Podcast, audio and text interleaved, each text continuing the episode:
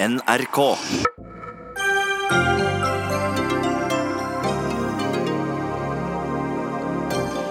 Klimakuttene innenlands som klimaministeren lanserte, må ikke nødvendigvis skje innenlands, sier Erna Solberg.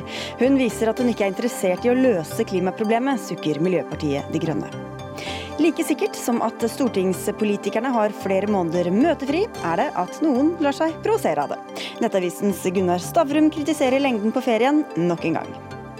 Adresseavisens dekning av Abbasi-saken er kampanjejournalistikk, sier Fremskrittspartiet, men det går ikke avisa med på. Og er stress på hjemmebane god nok grunn til å skulke jobb? Ja, mener redaktør. Det er ikke bedriften som skal betale hvis de ansatte er slitne, svarer jurist.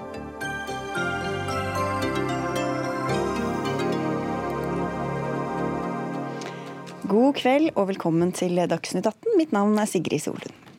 I et intervju som Dagbladet gjorde med klima- og miljøminister Ola Elvestuen, gikk han ut med ambisiøse klimamål. Fra før har regjeringa sagt at klimagassutslippene skal kuttes med 90-95% innen 2050. Men i intervjuet lovte Elvestuen at kuttene skal tas innenlands, og altså ikke gjennom å kjøpe klimakvoter i EU-systemet, slik vi har hatt for vane. I Politisk kvarter i morges ble statsminister Erna Solberg spurt om dette, og hun svarte at hun ikke vil låse seg til dette, og at klimaministeren ikke kunne loves fullt gjennomslag. Og Arild Hermstad, nasjonalt talsperson for Miljøpartiet De Grønne, hva synes du om det Erna Solberg sa? Nei, Jeg synes det er flaut og pinlig at vi har en regjering som ikke klarer å bli enige om at vi skal gjøre klimajobben på hjemmebane i 2050. Og jeg tror det virker for meg som om Erna Solberg ikke er så veldig interessert i klimasaken.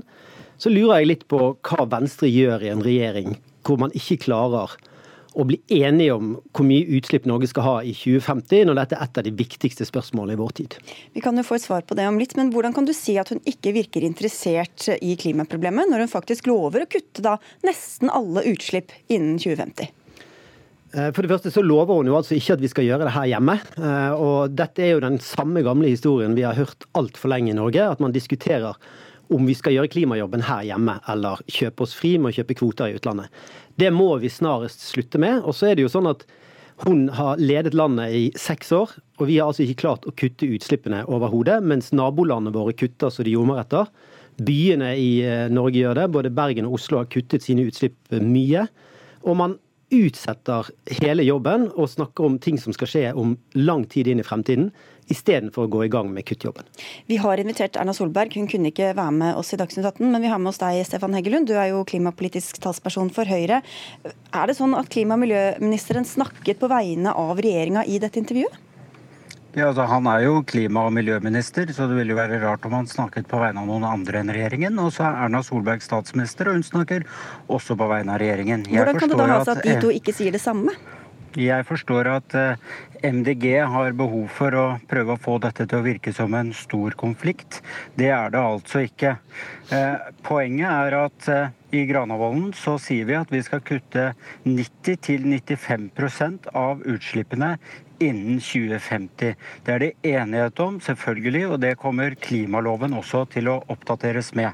Men, så er det sånn at om 30 år så vet ikke vi både hvilke teknologiske muligheter vi har, og vi vet heller ikke hvordan det internasjonale, eller i dette tilfellet det europeiske klimasystemet kommer til å se ut. Derfor så er jo et av scenarioene man absolutt må planlegge for, er at man skal ta disse kuttene innenlands. Men da er det jo sånn, og det er dette som er det springende punktet. Elvestuen sier at kuttene skal tas innenlands. Erna Solberg sier at det ikke nødvendigvis må det. Og hvem skal vi da lytte til? Du skal lytte både til klimaministeren og til statsministeren, for de representerer samme regjering. Ja, Men de sier ikke det samme? Jeg, ja, jeg, det er mulig at vi snakker litt forbi hverandre nå, programleder, for jeg mener dette er ganske klart. Det er altså slik at om 30 år så vet vi det er umulig å spå hvordan klimasystemet i Europa kommer til å se ut, hvilke mekanismer som kommer til å være i bruk. Det er det ikke sånn at folk i EU heller vet nå. Det er stor debatt om dette i EU. og Derfor så er jo et av de scenarioene man absolutt må planlegge for, er at disse kuttene tas innenlands. Det høres jo veldig fint ut, og da kan jeg ikke skjønne hvorfor man ikke bare sier at den usikkerheten som er i EU-systemet, det må vi bruke for å gjøre den omstillingen som skal til her på hjemmebane, og ikke bruke det for å si at vi ikke vet om vi skal kutte utslipp. Og så er det jo én, den store elefanten i rommet som verken Elvestuen eller Heggelund her snakker om. Det er jo hva skal vi gjøre med oljeindustrien vår i 2050? Skal vi tro at vi kan ha en olje- og gassindustri i Norge samtidig som verden har løst klimaproblemet, eller skal vi begynne den jobben som vi mener er helt opplagt at vi må starte på, nemlig å fase ut oljeindustrien? Men jeg har lyst til å... Det første, det første vi kan gjøre, er å være redelige med hverandre når vi diskuterer ja, klimapolitikk. Men Heggelund, nå skulle jeg bare sette over til noen andre her, fordi det er to mot én her. Dagsnytt 18 har invitert Ola Elvestuen også, han kunne ikke komme, men du er med fra Brussel, statssekretær i Klima- og miljødepartementet Sveinung Rotevatn. Bare for å ta dette vi innledet med, da. opplevde du at Erna Solberg Solberg sier akkurat det samme som det Ola Elvestuen sa? Ja, altså jeg opplever at de, det de sier er at vi må planlegge for å kutte nasjonalt. Eh, og Det har klimaministeren vært veldig tydelig på. Og så sa statsministeren i dag tidlig at det selvfølgelig er avhengig av at vi klarer å drive med teknologiutvikling, f.eks. karbonfangst og -lagring. For uten det så vil vi jo neppe kunne for ha en industri i Norge i 2050. Om vi skal, som regjeringa sier, kutte 90-95% men Det er jo ikke vanskelig å være enig med statsministeren i det. Men det regjeringa sier veldig tydelig, er at vi skal kutte og ta alt nasjonalt fram mot 2030. Og det er klart Når vi skal mot 90-95% i 2050 og verden skal gå dit, så er det egentlig vanskelig å se for seg at det kvote tilgjengelig overhodet. Så det er et helt naturlig mål. Men, men, Erna Solberg sier at hun ikke kan avvise at kuttene kan skje via kvotekjøp. Så hvordan, hva skal vi da stole på? Skal disse kuttene tas innenlands? Det er det man legger opp til, eller skal man vente og se? Altså, det finnes ingen kvotesystem som går fram mot 2050. Det finnes noen som går fram mot 2030, der Norge ikke skal benytte oss av. Altså, det er helt fint å på en måte snakke om at vi vet ikke alt som skal skje framover. Det er greit, det. Men miljøministeren er veldig tydelig på det han mener, og Granavolden er veldig tydelig på målet vi har fram mot både 2030 og 2050. og det at vi skal redusere i Norge det er egentlig ganske opplagt, mener jeg, med tanke på at vi skal klare å være med på en grønn omstilling som hele resten av verden også skal gjennomføre. Hvorfor er dette så viktig Hermstad, å bestemme i dag hvordan dette skal liksom skje om 30 år? Altså, eh, Miljøpartiet De Grønne mener jo at 2050 er for seint å, gå mot nullutslipp. Det er derfor vi har i Oslo slått fast at det skal være 95 kutt frem til 2030. Og Det er derfor danskene vil kutte med 70 frem til 2030. Så vi mener jo at å snakke om hvor vi skal være om 30 år, det er helt fint. Men det er ikke, den viktige debatten er hva vi gjør akkurat nå for å komme til nullutslipp så raskt som overhodet mulig. Eh, og den Debatten har vi utsatt fryktelig lenge i Norge. Vi har holdt på i 30 år med å snakke om kvotekjøp og hvem som skal gjøre hva, og karbonfangst og -lagring som vi ikke vet om det blir noe av, istedenfor å gjøre de tiltakene som vi kan gjøre. Og gjøre de massivt, og ikke minst gjøre de på en måte som vi hvor vi adresserer helheten og systemet og strukturen, og ikke snakker om små, fine tiltak som gjør hist og pist. Men Heggelund, det er jo sånn, det har jo ikke manglet på mål de siste tiårene. og Problemet er jo at det ikke har blitt oppfylt under eh, tidligere regjeringer heller. Og, og dermed har vi opplevd at det stadig skyves på årstall og settes nye mål lengre fram i tid. Hva sier det om hva som kan skje, hvis man da ikke allerede i dag bestemmer seg for om dette skal skje innenlands eller ikke? Nei, men Poenget er at takket være regjeringens politikk, så vil det ikke lenger være mulig å skyve på målene. Fordi at nå har vi en internasjonalt forpliktende avtale som gjør slik at hvis vi ikke når de målene vi setter oss, så vil Norge kunne få sanksjoner mot seg. Dette er noe nytt i norsk klimapolitikk, og det er det regjeringen som har gjort. Jeg syns det er ganske oppsiktsvekkende når man hører Arild Hermstad si at Erna Solberg og regjeringen ikke er opptatt av klima. For det første så er det slik at totalt sett med det ikke-sosialistiske politiske flertallet, så har utslippene i Norge gått ned både i kvotepliktig og i ikke-kvotepliktig sektor. Og Hvis vi bare tar det som skjedde i forrige uke, hvor for det første vi sa ja til en forpliktende utslippsavtale med EU på mandagen. På tirsdagen foreslo regjeringen å åpne områder for havvind. På torsdagen så la regjeringen frem handlingsplan for grønn skipsfart, som handler om hvordan vi skal klare å kutte utslippene i skipsfarten med 50% innen 2030. Og på fredagen dagen så landet vi klimaavtalen med landbruket. Dette viser at vi for første gang i Norge har en helhetlig politikk for alle sektorer.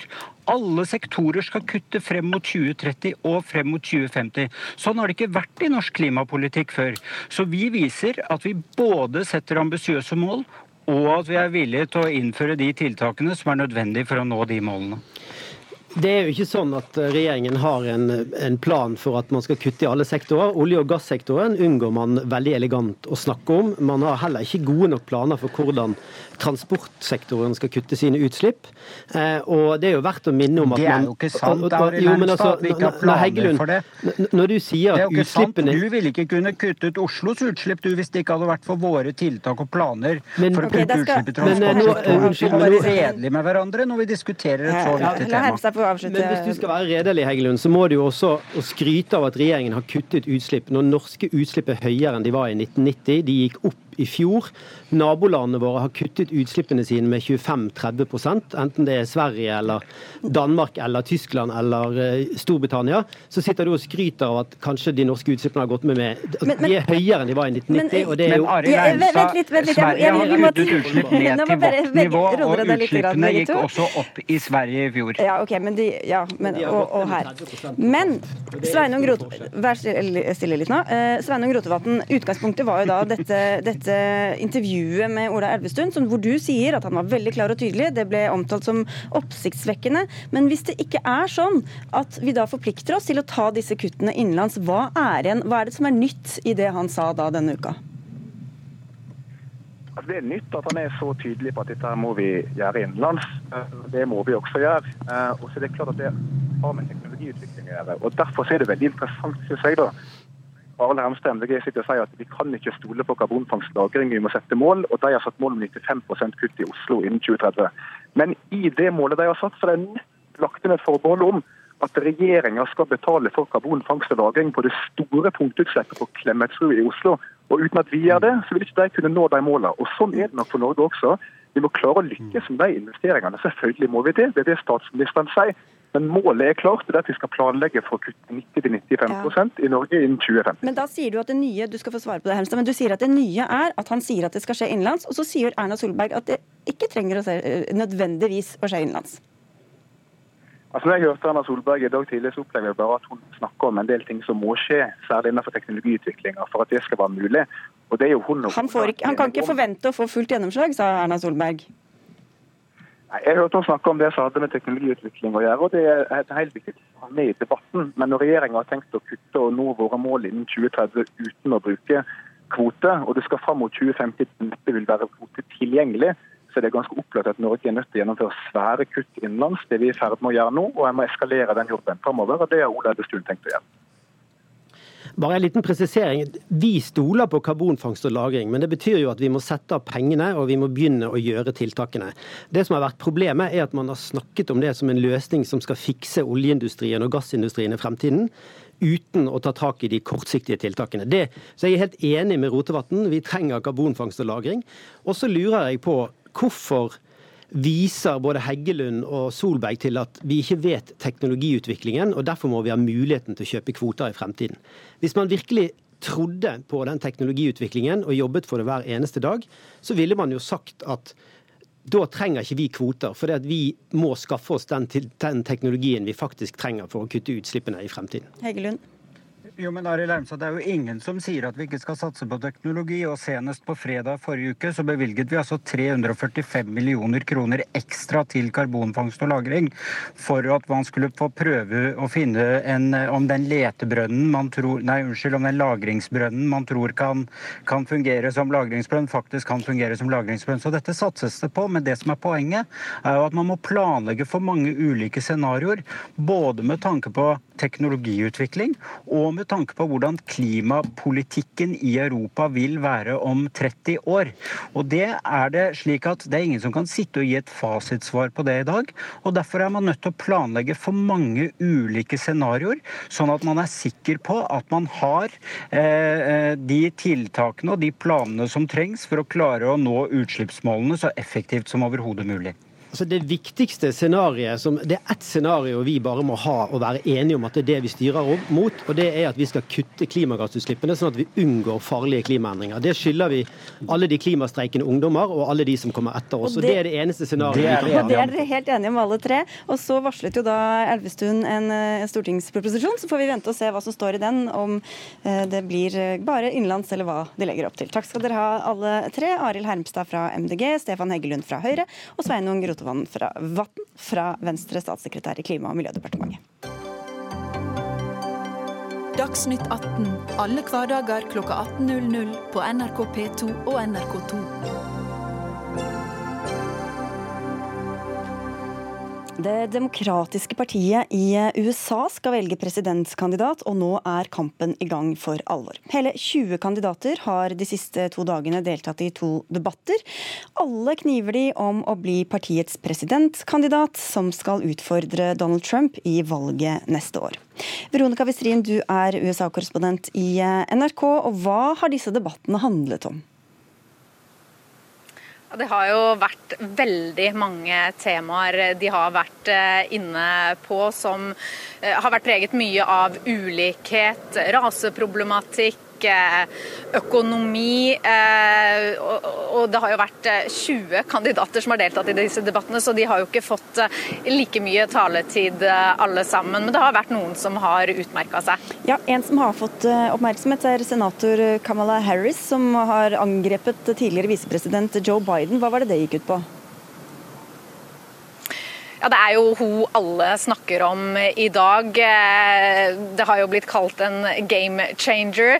Hun angrep da Joe Biden, som så langt har vært den som har leda på meningsmålingene på nettopp rasismespørsmålet. Hun henvendte seg direkte til han.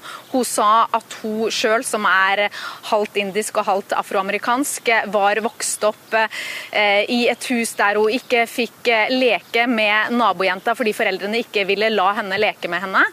Og eh, Hun henvendte seg så altså til Biden eh, og sa hun eh, ikke trodde han var noen rasist, men at hun var såret over hvordan han hadde samarbeidet med to senatorer som har jobba for segregering og mot bussing. Hun var sjøl, sa hun, en av de som hadde tatt bussen på skolen, og, og lurte da konkret på hva han gjorde med det. Og dette blir sett på som et av de store momenta fra gårsdagens debatt. Teamet til Camilla Harris la jo også ut et bilde av henne som ung jente like etterpå, så dette var jo et velregissert og tydelig planlagt angrep fra Harry sin side. Og hvem andre var det som markerte seg under disse debattene? Altså, nå har det jo vært to debatter, og det er jo gjerne den siste som sitter friskt eh, i minnet. Men eh, for to dager siden så var det jo Core Cory Booker som kanskje overraska litt, og gjorde, var den som fikk mest taletid og, og ble mye omtalt, fikk mye positivt omtale etterpå. Men også Elizabeth Warren, som var en av eh, favorittene. Eh, I går så var det som nevnt Camilla Harris og selvfølgelig Joe Biden som var den store favoritten på forhånd. Eh, men også ordføreren i South Bend, Indiana, Pete Buttigieg, han ble konfrontert på spørsmålet også om, om innenfor samme tema som Camilla Harris, nettopp fordi han i sin by nettopp har opplevd at en en person ble skutt av en, en, en, svart person ble skutt av en politimann, og, og ble konfrontert på hva konkret han gjør for å få flere fargede inn i politistyrken. Kun 6 der er det. Og han erkjente at eh, der har han ikke gjort nok. Og så var jo også Bernie Sanders med i gårsdagens debatt, også en av de som har tronet høyt på meningsmålingene her, men som kanskje ikke markerte seg like mye som man hadde trodd på forhånd. Han gjentok mye av det vi allerede har hørt han snakke om tidligere når det gjelder ulikhet spesielt. Takk skal du ha, Veronica Westrin. Jan Arild Snoen, du er journalist og kommentator i eh, Minerva og følger godt på, med på amerikansk politikk. Nå fikk vi lista opp en del navn her. Hvem vil du si klarte seg best i disse debattene? Nei, Det er ingen tvil om at eh, Kamala Harris, som har kommet ut eh, i pressedekningen og på andre måter som den som eh, nå tok et skritt opp. Hun har vært av de som har vært litt bak da Biden og Warren og Sanders, men i, i, innenfor rekkevidde. Og nå er hun favoritt hos bookmakerne etter det som skjedde i natt. Så får vi se hvor lenge det varer. Men det viser seg at et sånt personlig angrep, det kan gi stor oppmerksomhet. Mm. Det var også en i første debatten, Julian Castro fra Texas, som gikk løs på sin fellow Texan Beto O'Rourke. Og han fikk også mye oppmerksomhet. Prøver da å komme seg opp av denne sumpen. Det er jo 25 kandidater, 20 som fikk debattere. Så, så det er en taktikk som nok er, kan være litt skummel for demokratene. For det betyr at hvis du får gevinst av å angripe dine egne, så er det flere som blir fristet til det. Mm. Det er ikke sikkert at Det demokratiske partiet kommer så godt ut av det, hvis det skal fortsette. Hvordan, eller Hva vil du si at um, disse debattene sier om, om, hvor partiet befinner seg, og hvor, hvor hvilken vei det beveger seg sånn politisk? Ja, de, de, beveger seg tydelig til venstre. Uh, du kan si at det som i 2016 så var det da var det Sanders, som, var da, som er den erklærte sosialisten, som sto for veldig mye radikal politikk. og Det fikk han ikke så veldig, veldig gjennomslag for da, selv om han fikk 40% av stemmene i primærvalget. Men etter hvert så har mye store deler av partiet fulgt etter Sanders. Uh, Warren, som nevnt, er ganske enig med, med, Sanders i det meste. Harris er heller ikke langt unna, så de beveger seg i retning venstre. Mm. Uh, problemet da er at hvis de går for langt til venstre, så mister de disse Trump-velgerne og en del andre i, sentrum. Ja, For det er jo Donald Trump de skal Nå slåss de jo mot hverandre, men det er jo han de ønsker å, å, slå når alt kommer til alt. Eh, hva er det viktig da å tenke på eh, med tanke på hvem de skal velge, og hvilke velgergrupper de skal nå? Ja, det er, det er, jo det de diskuterer. Skal de ha en som er mer sånn rendyrket, klart venstreorientert demokrat, for å få en veldig tydelig eh, kontrast til Trump? Og skal de angripe Trump og bruke Trumps virkemidler eh, med den ordbruken som han bruker. Sanders er der. Han kalte Trump for en notorisk løgner i går. Eller skal de være mer sånn nå må vi samle eh, nasjonen og gå tilbake til et mer normalt USA. Eh, Joe Biden er der. Eh, så de må velge hva de ønsker, også hvilken person som skal, skal markedsføre dette og målbære de ulike strategiene. Og Foreløpig så vet vi jo ikke det. det primærvalgkampen vil sortere ut litt av det spørsmålet også. Og Donald Trump, Hvor synlig er han da i, i disse debattene og når demokratene diskuterer? I den første debatten, altså den som var natt til torsdag, eh, så var han ikke så mye nevnt. Eh, mye mer i går. Eh, og jeg forventer at det blir mer av det etter hvert også. Men i stor grad så snakket de om sin egen politikk og sine egne alternativer. Men, men Trump er jo i bakgrunnen, og det er dette normalisering. Altså, vi må få bli kvitt han for å bli USA igjen. Eh, eller uh, bruke hans egne virkemidler og, og, sterke språkbruk. For at det er han de skal møte, det er det ingen tvil om, eller kan det skje det er, ting der òg? Nei, det er det.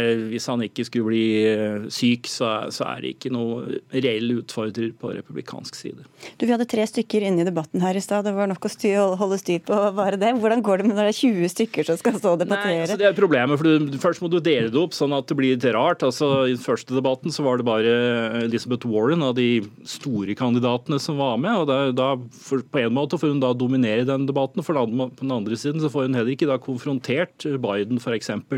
Eller vist forskjeller på seg og, Sanders. Eh, og Det er det når det er ti i hver debatt. og Det betyr også at de får veldig liten tid, og det så vi i debatten i natt. Så var det veldig mange som juksa med det. De lot seg ikke styre i det hele tatt. De var, altså, du ville ha kastet dem ut de seg sånn. Eh, mens noen prøvde å holde altså Biden eh, han led under det. For han holdt seg stort sett til taletiden. Men det gjorde ikke de andre. Ja, ja så det vet, Jeg vet ikke om han var tjent med det. Eh, så etter hvert så vil det bli færre. Eh, men vi må ut i september før det blir noe skikkelig mm, opprenskning i dette. Eh, tidligst. Du, du får komme tilbake da. Takk skal du ha for at du kom i denne omgang, Jan Arild Snoen fra Minerva.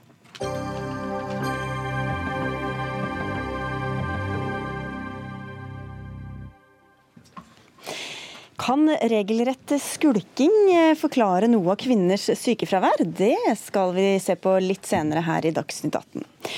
Vi hører ofte om læreres lange sommerferie, eller avspasering om du vil. Og omtrent like ofte kommer det kritikk mot stortingspolitikernes møteferie, som er dobbelt så lang som lærernes sju uker. Siste møtedag på Stortinget før sommeren har vært, og de folkevalgte skal ikke tilbake før kong Harald står for åpninga av Stortinget første hverdag i oktober. Gunnar Stavrum, redaktør i Nettavisen. Du har skrevet et innlegg hvor du kritiserer disse 101 dagene uten eh, møte. Du gjorde det samme i fjor, så dette er en, årlig foreteelse. Hvorfor reagerer du så sterkt eh, hvert eneste år, kan jeg vel si da? Jeg reagerer sterkt fordi jeg syns det er rart at ikke Stortinget reformerer arbeidsformen sin, eh, som jo til all, nesten ligner på slik man jobba i 1814, hvor man dro med hest og kjerre til Stortinget, og så var man sammen en periode, og så dro man tilbake igjen. I dag så er folk eh, vant til at de bor et sted, jobber et annet sted, de ukependler kanskje. Eh, de bruker eh, elektroniske møter, de avstemmer ved elektronikk. altså Helt annen arbeidsform enn det Stortinget legger opp til. Jeg syns den virker veldig lite effektiv. Ja, for det som skjer er at eh, Heidi Nordblunde, du sitter jo på Stortinget for Høyre. Dere sitter til langt på natt og stemmer og holder på før, før ferien, som jeg vel egentlig ikke får lov til å kalle det. da. Og så skal dere ha kjempelenge fri. Hvorfor, hvorfor er det sånn?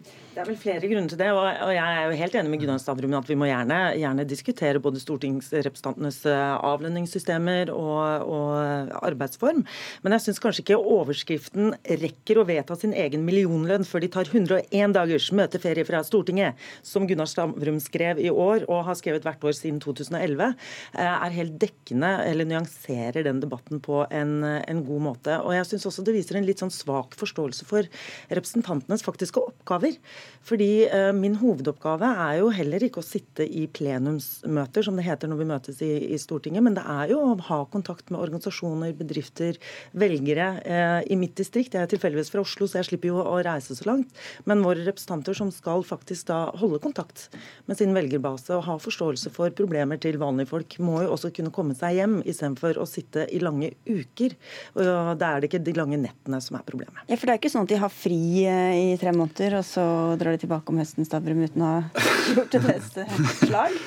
Nei, men det, det, er jo, det er som, som, det ble sagt her, det er 101 dager uten møter, uten plenumsmøter i Stortinget. Og jeg tror at hvis det er noen som er glad for Stortinget har den ferieformen, så er det regjeringsapparatet og, og departementene. Fordi at, sånn som jeg ser de siste 14 årene i norsk politikk, så har Stortinget fått mindre å si på bekostning av, av regjering og statsapparatet. Og jeg er ganske sikker på at de er glad for at Stortinget ikke har møter i tre måneder, så de kan operere litt i fred.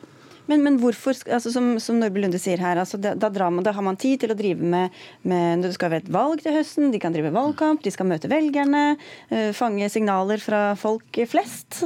Jo, men det, det, er jo noe mange yrker gjør. Det, det, gjør jo jeg også i mitt yrke. Men du klarer å gjøre det selv om du har en normal åtte til fire-dag. Så har du jo eh, tre, eller to tredjedeler av døgnet utenfor, uh, likevel. Eh, og det jeg synes er morsomt, da, eh, det er jo riktig at jeg skrev den kommentaren siden 2011, det er at hvert år så er alle velgerne synes det er en strålende kommentar, mens alle på Stortinget blir like fornærma hvert år. Og eh, jeg synes faktisk, eh, som jeg begynte med å si, at den genuine kritikken her er egentlig arbeidsformen på Stortinget. Mm. Mm. Ja, altså Når hun sier at alle velgerne er genuint eh, blir, eh, blir, eh, er enige, mens vi blir fornærma Jeg er ikke så veldig fornærma, jeg er verken krenket og veldig skjør på det. Men det er jo ikke det som er hovedsentimentet i de artiklene som du skriver. For hvis du er oppriktig opptatt av vår arbeidsform, så kommer det helt på slutten. Og hvis man da mener at denne arbeidsformen kunne endres, så er det jo ikke de enkeltsakene som, som kommer over året, men det er jo budsjettprosessene. Og de må vedtas innen en viss dato for at det skal kunne gi gyldighet Eh, både i lovvedtak og i budsjettprosesser. Så det nytter ikke bare å omforme eh, vår til mer moderne eh, videomøter eller andre ting som du, du har foreslått. Eh, det endres ikke av at man, man oppdaterer den, den, formen. Så her syns jeg du egentlig tar vekk For sitter, vi sitter jo i mottakerenden av reaksjonene til dine lesere når de ser overskriften 'innvilger seg selv millionlønn og tar 101 dager møtefri'. Det, det, det er ikke det er jo... da arbeidsformen du kritiserer? Nei, men jeg kritiserer begge deler. og Jeg står helt fast her på at med to dagers forskjell så vedtar dere ny lønn lønn til deg selv, som nærmer seg millionlønn. Det er nesten dobbelt så mye som gjennomsnittslønn i Norge. Du sier det er spesielt farlig hvis eh, de folkevalgte lever i en helt annen verden enn velgerne som, som valgte dem. Hva, hva, er det du frykter? Ja, nei, jeg, jeg frykter det jeg syns vi ser. Eh, nemlig det at, eh, at motargumentene ofte blir sånn Det er ikke noe godt betalt jobb. Det er ikke en jobb å sitte på Stortinget, det er faktisk et tillitsverv du har. Og det du gjør når du sitter der, er at du skal representere velgerne dine. Og jeg tror at hvis hverdagen din er at du har millionlønn, du har lang møteferie om sommeren, du har stortingsgarasje. Du har, du har en helt annen hverdag enn de du representerer. For å ta et aktuelt eksempel. Jeg tror at den hverdagen er noe grunn til at mange på Stortinget ikke så bompengeopprøret før det ble så tydelig for dem. For det er ikke en hverdag de opplever selv. Hva med redaktører, da, som tjener mye mer enn stortingspolitikerne? Hvor mye skjønner de av vanlige folks hverdag? Nei, men Det samme argumentet gjelder jo, gjelder jo redaktører. Så Jeg tror rett og slett at, at du blir litt sånn som det, det, livet du lever. og Jeg, jeg er ikke uenig i at også journalister og redaktører er på en måte en elite i forhold til mange andre eh, arbeidstakere i Norge. Fristende å minne om lønnsstatistikken, hvor du kan se hvor NRK ligger i feltet, men vekk med det. Ja, men er, dette er vel også noe du får mye reaksjoner på, da. Ikke bare lengden på denne ferien, men også hva dere bevilger dere selv av, av lønn og vilkår. Ja, nå, Vi står jo ansvarlig for vedtaket, men nettopp for at stortingsrepresentanter ikke skal være koblet på, så har vi jo en egen lønnskommisjon som jeg måtte i dag søke opp hvem som satt i. og Det var tre mennesker jeg aldri har uh, hørt om, som da følger uh, det årlige lønnsoppgjøret til, uh, til, arbeidstakere i Norge. Sånn at den ikke skal være koblet til, til oss selv. Så vi kan godt ta debatten om, om avlønning av vervet, fordi hvem er det vi tiltrekker med de lønningene vi har? Og det er ikke noe tvil om at det er en god lønning for svært mange som har kanskje lite arbeidserfaring eller kommer med yrkesbakgrunn som ikke har den type lønninger. Dere skal... tjener nå en million omtrent? Ja, det ligger i underkant, eh, underkant der. Stavrum er jo på 2,9. Men uh, la oss si at du er uh, de som blir hjemme når du drar inn til Stortinget og er borte store deler fra familien.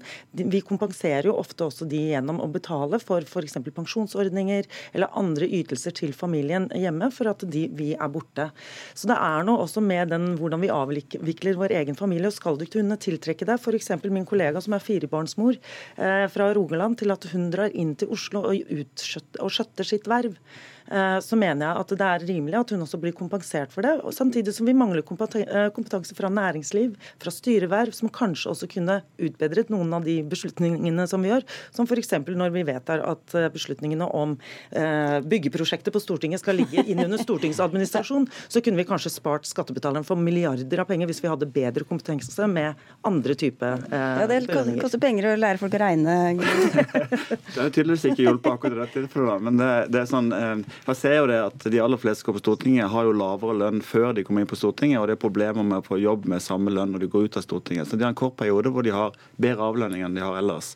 Eh, men jeg, jeg syns faktisk det er et vesentlig poeng at stortingsrepresentanter skal representere folket de er utgått fra. Og Jeg er redd for at vi har både politiske og også for så vidt medieeliter som er ganske fjern fra hverdagen til folk flest. Og så er det én forskjell på meg og deg, Heidi. og det er at du, Din lønn den betaler skattebetalerne.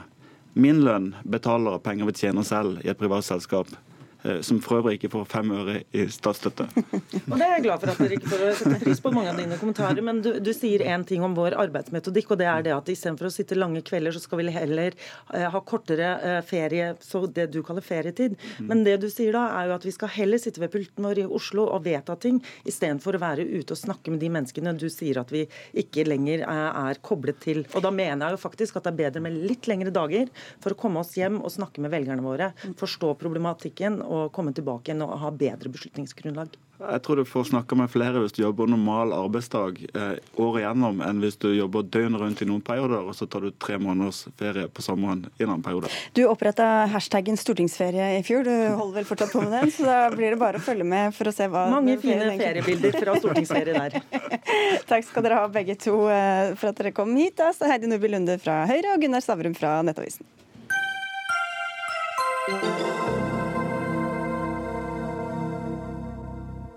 For to uker siden ble en mor og de tre barna hennes på 16, 20 og 22 år sendt ut av Norge med tvang fordi oppholdstillatelsen deres var trukket tilbake. Tvangsutsendelsen av Abbasi-familien har dominert mediebildet de siste ukene, bl.a. fordi moren var bevisstløs under transporten. Men mediedekningen har vært så følelsesladd og lite objektiv at kanskje flere vil trekkes mot alternative medier og droppe de tradisjonelle, sier du til Medier24, Sivert Bjørnstad. Du er stortingsrepresentant for Fremskrittspartiet, og du peker særlig på Adresseavisens dekning. Hva har vært problemet med den? Ja, altså Min kritikk går nok mot alle medier, men det er Adresseavisa jeg kjenner best som uh, min hjemme lokalavis. Uh, jeg tror problemet, hvis du er en vanlig velger eller en vanlig leser som skulle ha prøvd å sotte seg inn i saken, her, så har det vært uh, veldig vanskelig. Rett og slett fordi det har vært en veldig følelsesstyrt dekning av, av denne saken. Og det er selvfølgelig greit på leder- eller kommentarplass, og jeg skal gjerne diskutere asylpolitikk med Adresseavisa når som helst, men jeg tror at det blir veldig skjevt for lesere leserne når man ikke får de objektive fakta i, i de ulike sakene. og jeg synes Noe av det som viser at jeg kanskje har truffet med kritikken i Medie24, var da Adresseavisa svarte på det. og det var Eh, at dekninga har vært sånn fordi at det er veldig mange som støtter Abbasi-saken. Og Da tror jeg at man er på, på, feil vei, hvis det er den type følelsesmessige argumenter som skal bestemme dekninga. De skal få slippe til selv også, bare for å si at dette er jo også på en måte lokalavisen til selve saken. For dette mm. var, det var jo i Trøndelag også denne, denne familien bodde. Men hva konkret er det du har savna fra Adressa og, og for så vidt andre medier, da? Ja, eh, så vidt jeg har sett, så er det bare ett eh, medium, og det er Minerva, som har nevnt, eh, eller som har lest dommen og referert til den. Det er jo sånn at de her menneskene ikke er flyktninger, de har ikke rett på asyl. De er ikke forfulgt i hjemlandet. Jeg tror Hvis man har fulgt med i Adressa eller en del av de andre mediene, så kan man få inntrykk av at det har vært, det har vært sånn. Det er det altså ikke. At man kunne ha forsøkt å intervjue UNE eller UDI. De har hatt leserinnlegg i Adresseavisa. Det hadde fort gjort å, å lage et redaksjonelt uh, oppslag som hadde gitt litt balanse til denne type vanskelige saker. Kirsti Husby, du er sjefredaktør i uh, Adresseavisen. Kunne dere vært mer balansert og mindre følelsesstyrt? Jeg er jo ikke enig i at vi er følelsesstyrt. Jeg tenker Når Sivert Bjørnstad sier at vi driver en slags kampanjejournalistikk, så ligger det jo i det at vi har en agenda. Og det har vi selvfølgelig ikke hatt i denne saken. Eh, jeg syns jo likevel at det er verdt eh, å diskutere det her med balanse. Det har vi forsøkt eh, å hatt. Vi har jo ikke bare dekket denne saken de to siste ukene, vi har jo dekket denne saken i mange år. Og det er jo helt feil Sivert Bjørnstad sier at ikke vi har omtalt denne Eh, dommen fra, fra, lagmannsretten, både den gangen det skjedde, og at det også har vært eh, referert til både den og vedtaket fra UNE i den dekninga som har vært nå den, de siste ukene. Men det han sa, som jo var et slags sitat fra dere i denne samme saken, var jo hvor dere viser til at her er det de aller fleste politikerne i, i Trondheim som er, var mot denne utsendelsen. Hvorfor skal det påvirke hvordan dere dekker saken? Altså Det faktum at det er eh, både eh, veldig bredt eh, lokalpolitisk enighet om at denne familien må bli, og at det er et stort nettverk av støttespillere som har vært en del av nyhetsdekninga de siste ukene, er jo ganske naturlig. Altså Når det er tusenvis av ungdommer som marsjerer i gata til støtte for familien, så er det klart at vi dekker det. Det er en journalistisk relevant sak. Vi ville ha gjort nøyaktig det samme hvis det hadde vært et tog som hadde handla om det motsatte. Eh, så det har jo også vært en del av dramaturgien i denne saken at det har vært innhenta lokale reaksjoner, både politisk og ellers. Ja, Det er ikke så unaturlig det, kanskje, Bjørnstad, at de refererer til det som faktisk skjer, og hvem som faktisk engasjerer seg? Absolutt, og det er selvfølgelig Adresseavisas oppgave, og det, det, har de gjort eh, godt også. Men jeg mener likevel at i denne type saker så bør man følge opp med kritiske spørsmål til dem man intervjuer, enten det er advokaten til Abbasi, om det er lederen av støttegruppa, om det er de politikerne. Det var, tok f.eks. veldig lang tid fra Rita Ottevik, eh, ordfører i Trondheim, var ute og sa at eh, familien bør bli, til Adresseavisa spurt eh, Arbeiderpartiet på Stortinget, som sa at det skal de slett ikke. Det er den samme, den samme politikken gjelder i dag som den man vedtok under asylforliket. Og Når det da går så lang tid, og Arbeiderpartiet gjør det så dårlig på meningsmålingene i Trondheim, så kan man jo begynne å tro at det er en viss korrelasjon mellom Adresseavisas dekning og det at det er et faktum at det går, at man prøver å hente tilbake velgere fra venstresida i Trondheim. Da. Husby. Ja, jeg vet ikke om så lang tid eh, den definisjonen av begrepet i en løpende nyhetsdekning, om det var på dagen etter eh, formannskapet eller om det var to dager etter. Vi strevde med å få tak i Jonas Gahr Støre. Vi ble eh, vi intervjua først en talsmann, og så hadde vi også et intervju med Jonas Gahr Støre. Og jeg tenker I en løpende nyhetsdekning som det her, så er det en utvikling. Og det er ikke alltid, det kan vi si for vår egen del, det er ikke alltid folk stiller opp, selv om man spør. Men, men, men, jeg skal spørre deg også, hvor mye spalteplass ofret dere da til, til bakgrunnen for utsendelsen, saksgangen osv., også som i, i denne omgangen? Eh, vi har jo på en måte brukt eh, fakta knytta både til avslaget fra UNE og den dommen inn i sakene, ikke i sin helhet, men som en del av de faktaopplysningene eh, i de sakene vi har hatt løpende. Ikke alle, men en del av dem der man har på en måte drøfta, drøfta det her med utsendelse.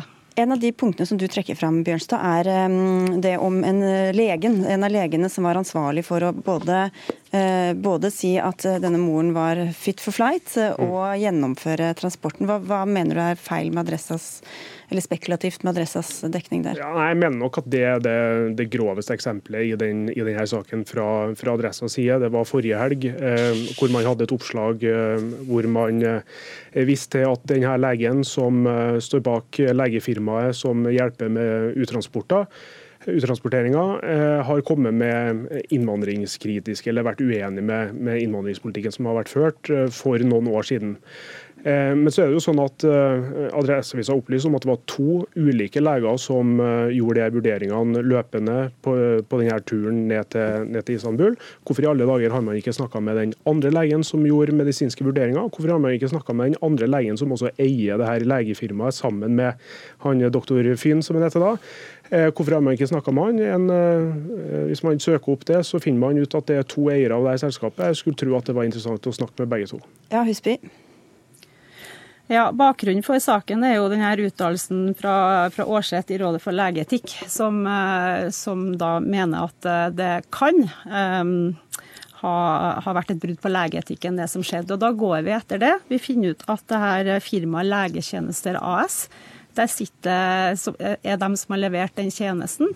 Der er det, det er mulig det er to eiere av Bjørnstad, men det er en daglig leder og en styreleder. Og vi velger da å gå til ansvarlig i det selskapet for å gi dem muligheten til både å svare opp kritikken, eh, og vi syns jo også da det er journalistisk relevant eh, å omtale bakgrunnen til han som da er daglig leder i, i firmaet. Men, men, da stiller man altså, ja. altså den legens etiske og moralske kompass i tvil. Eh, altså jeg går også til fastlege og til tannlege, og det er kanskje 10-15 sannsynlighet da, statistisk sett for at de stemmer Frp.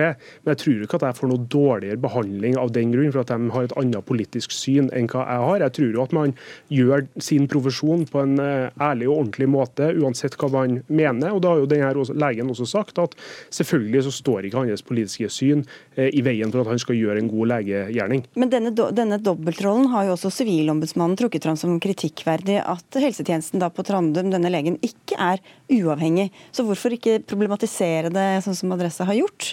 Jo, men jeg synes Det er helt fint at Adressa problematiserer det, men jeg synes at når man da har mulighet til å Eh, til å gjøre det, og ikke bare sjekke den ene legen som gjorde de her medisinske vurderingene. Men og hvorfor i alle dager har man ikke da også snakka med den andre, som også sa 'fit for flight'? Hvorfor er det bare den ene legen som er, som er interessant, ikke den andre? Det syns jeg er problematisk, og jeg syns man kunne ha gjort det for å eh, få en bedre balanse i den dekninga. Få ringe nå da, Husby. Det er jo ikke unaturlig at det er lederen for et foretak som blir stilt til ansvar. Eh, så det er en ganske normal journalistisk måte å jobbe på. Dere, vi får se hva saken bringer videre. Takk skal dere ha begge to eh, for at dere var med i Dagsnytt 18. Kirsti Husby, sjefredaktør i Adresseavisen, og Sivert Bjørnstad fra Fremskrittspartiet. Hør Dagsnytt 18 når du vil. Radio NRK Radio.nrk.no.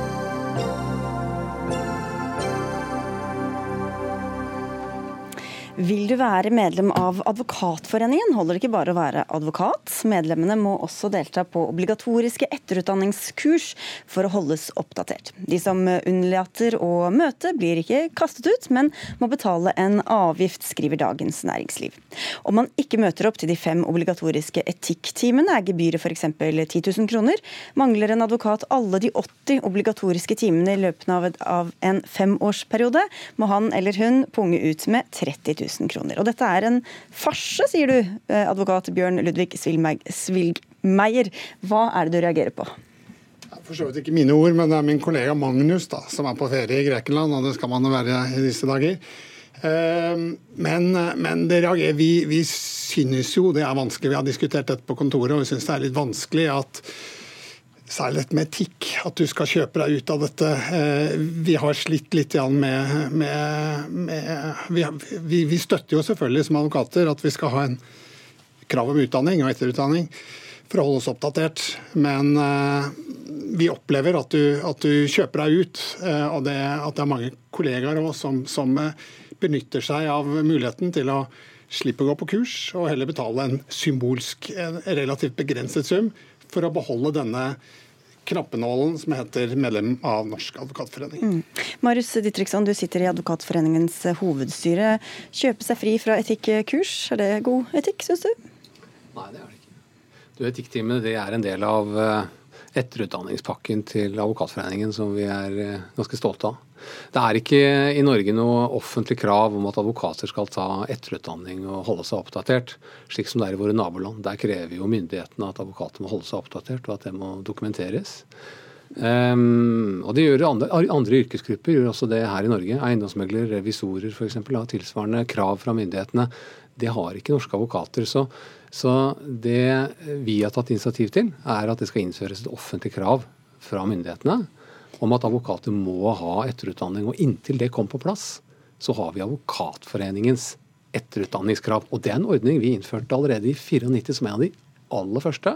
Og etikktimene er en del av det. Ja, Men det er ikke det vi egentlig skulle diskutere. fordi Spørsmålet er jo hvorfor det skal være greit å kjøpe seg fri, da, selv om ikke det kanskje er det ordet du ville brukt.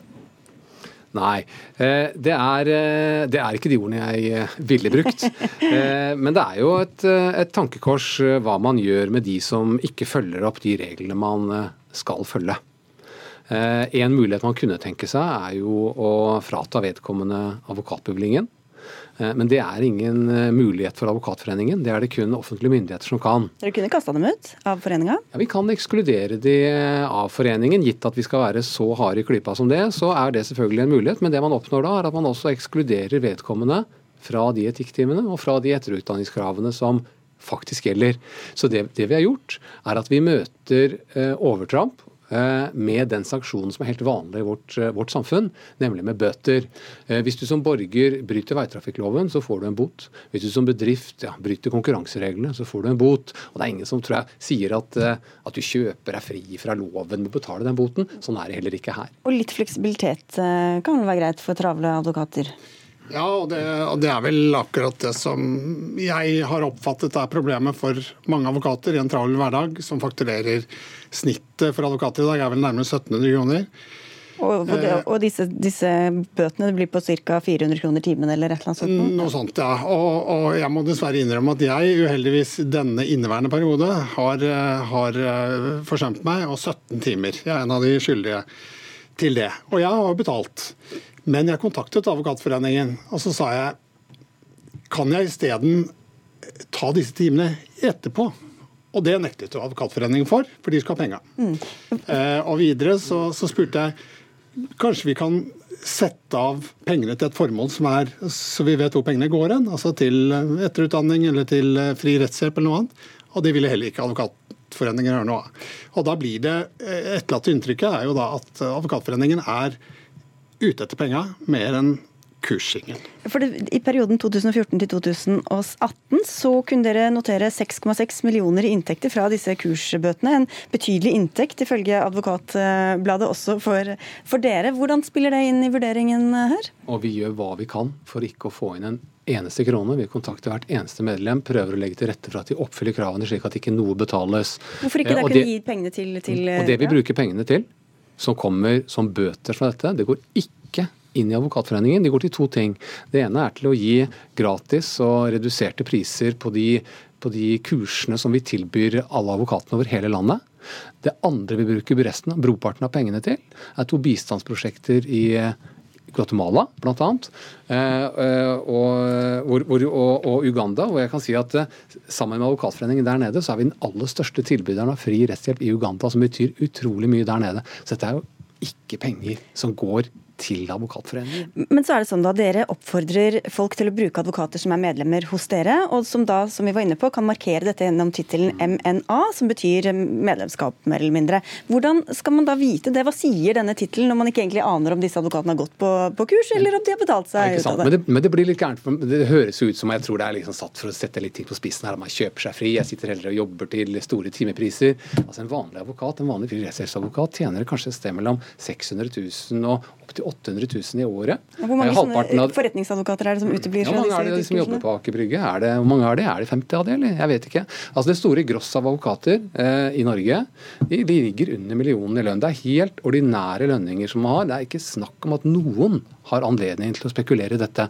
Og Og det er ganske interessant. Det, det gjøres. Det, ganske, det, gjøres. Det, er ganske, altså, det er ikke noen tvil om. Du, både du og jeg har vært på kurs.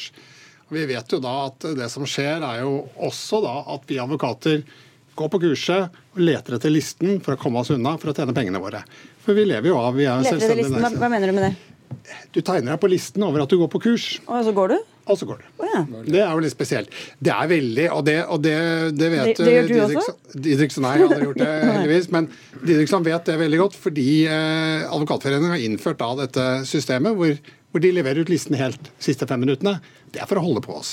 Vi, og det er veldig bra, for at vi påser at vi, at vi følger vår kurs. Men, men, men uh, okay, Dette fungerer veldig godt.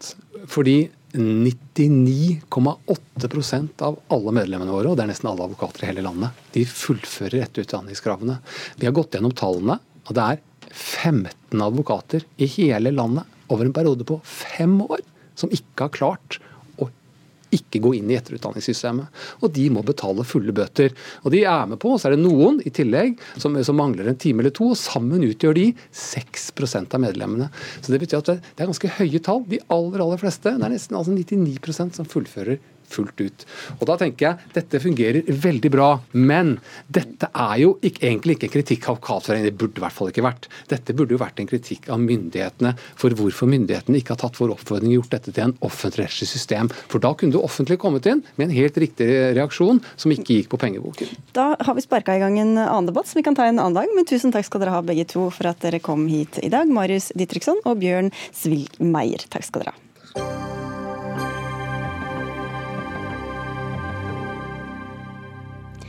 Matlaging, fritidsaktiviteter med barna, henting i barnehage, søvnløse netter, lange dager på jobb. Kjenner du deg igjen? Da har det kanskje vært fristende å bli hjemme fra jobb, selv om du ikke egentlig er syk.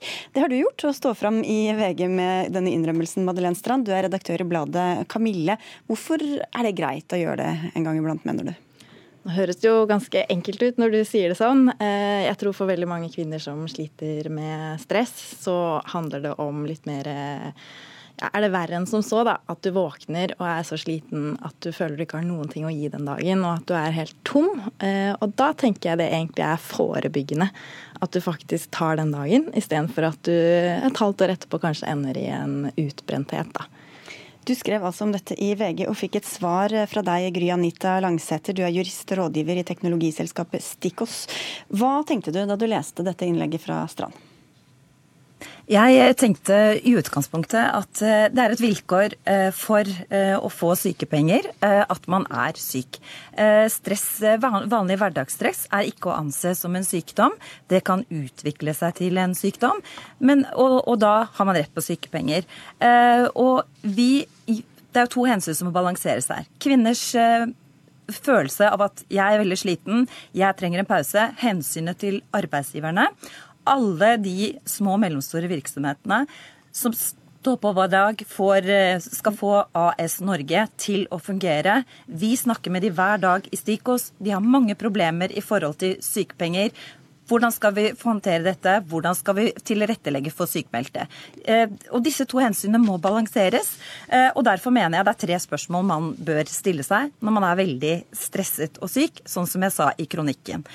For det første, er jeg syk? Eh, eller er jeg bare stressa? Nummer to Um, har jeg snakket med min leder om tilretteleggingsmuligheter. Uh, det er veldig store plikter til, eh, for arbeidsgivere i Norge til å tilrettelegge for småbarnsforeldre. Og de har en hel verktøykasse å gjøre nettopp det. Og for, andre, og for, det tredje, man må ta praten på hjemmebane. Har vi en god ø, arbeidsfordeling som fungerer? Du, Da var det mange stikkord her. Men Strand, bare for å spørre først. Um, hvorfor benytte seg av en sykedag? Hvorfor ikke heller be om å få ta en, en feriedag eller en annen ubetalt fridag, i stedet for å liksom, bruke sykemeldingsinstituttet? Ja, det kan du jo si. Og når jeg beskriver dette her som en skulkedag, så er det jo også for å sette fokus på at dette er på ingen måte akseptabelt i vårt samfunn å ta ut en sykedag eller bli borte fra jobben på ulike måter fordi du er sliten.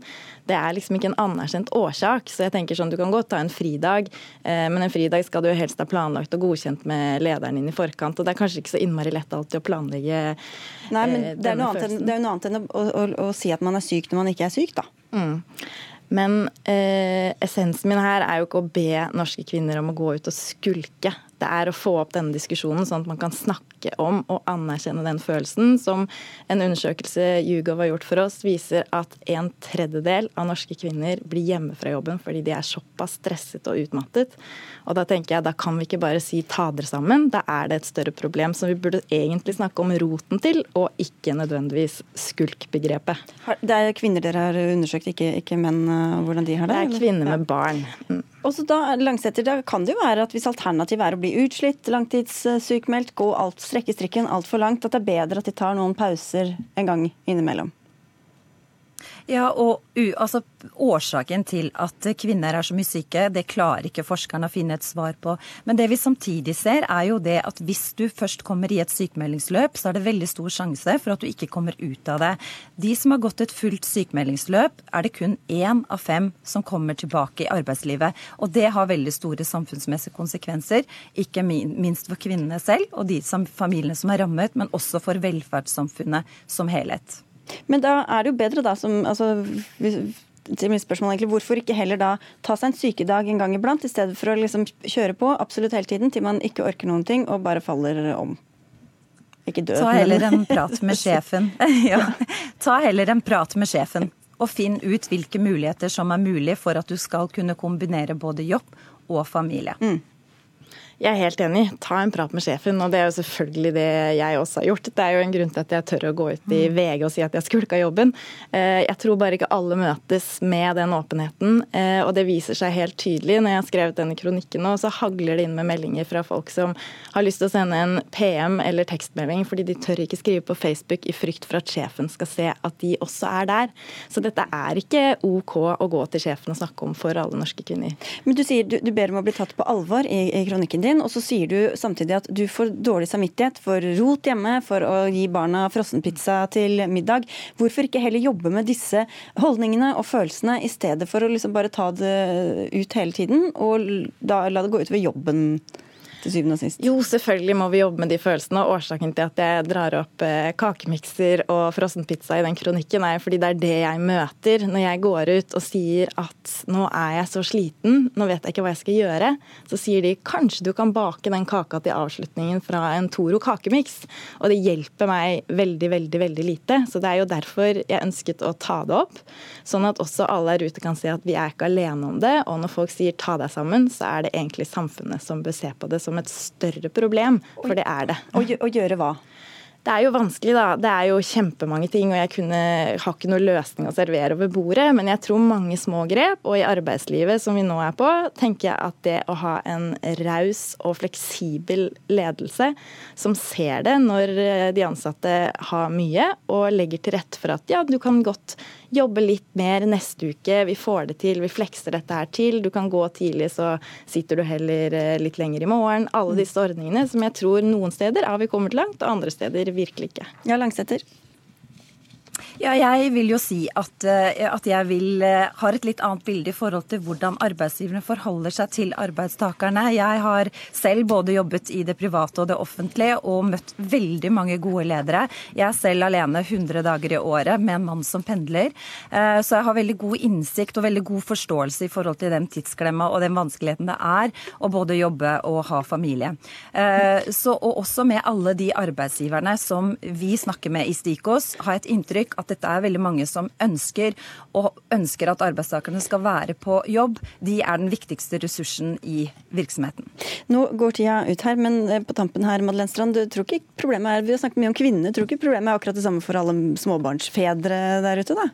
Jeg tror jo absolutt i veldig likestilte hjem at pappaene kjenner på det samme. Eh, og det har jeg fått mange tilbakemeldinger om også, så jeg tror ikke det er utelukkende kvinneproblem. Men dessverre er det jo fortsatt kvinner som tar mesteparten av bøygen hjemme, og da er det flest kvinner som kjenner på det. Kanskje alle bare må skjerpe seg både på hjemmebane og på jobb. Vi får se. Men takk skal dere ha begge to, i hvert fall. Madeleine Strand, som er redaktør i bladet Kamille, og Gry Anita Langsæter, jurist og rådgiver i Stikos. Dagsnytt 18 er over for i dag og for denne uka. Dag Dørum, eh, Stein Nybakk og jeg, Sigrid Solund, ønsker en fin kveld, en god helg og en god sommer.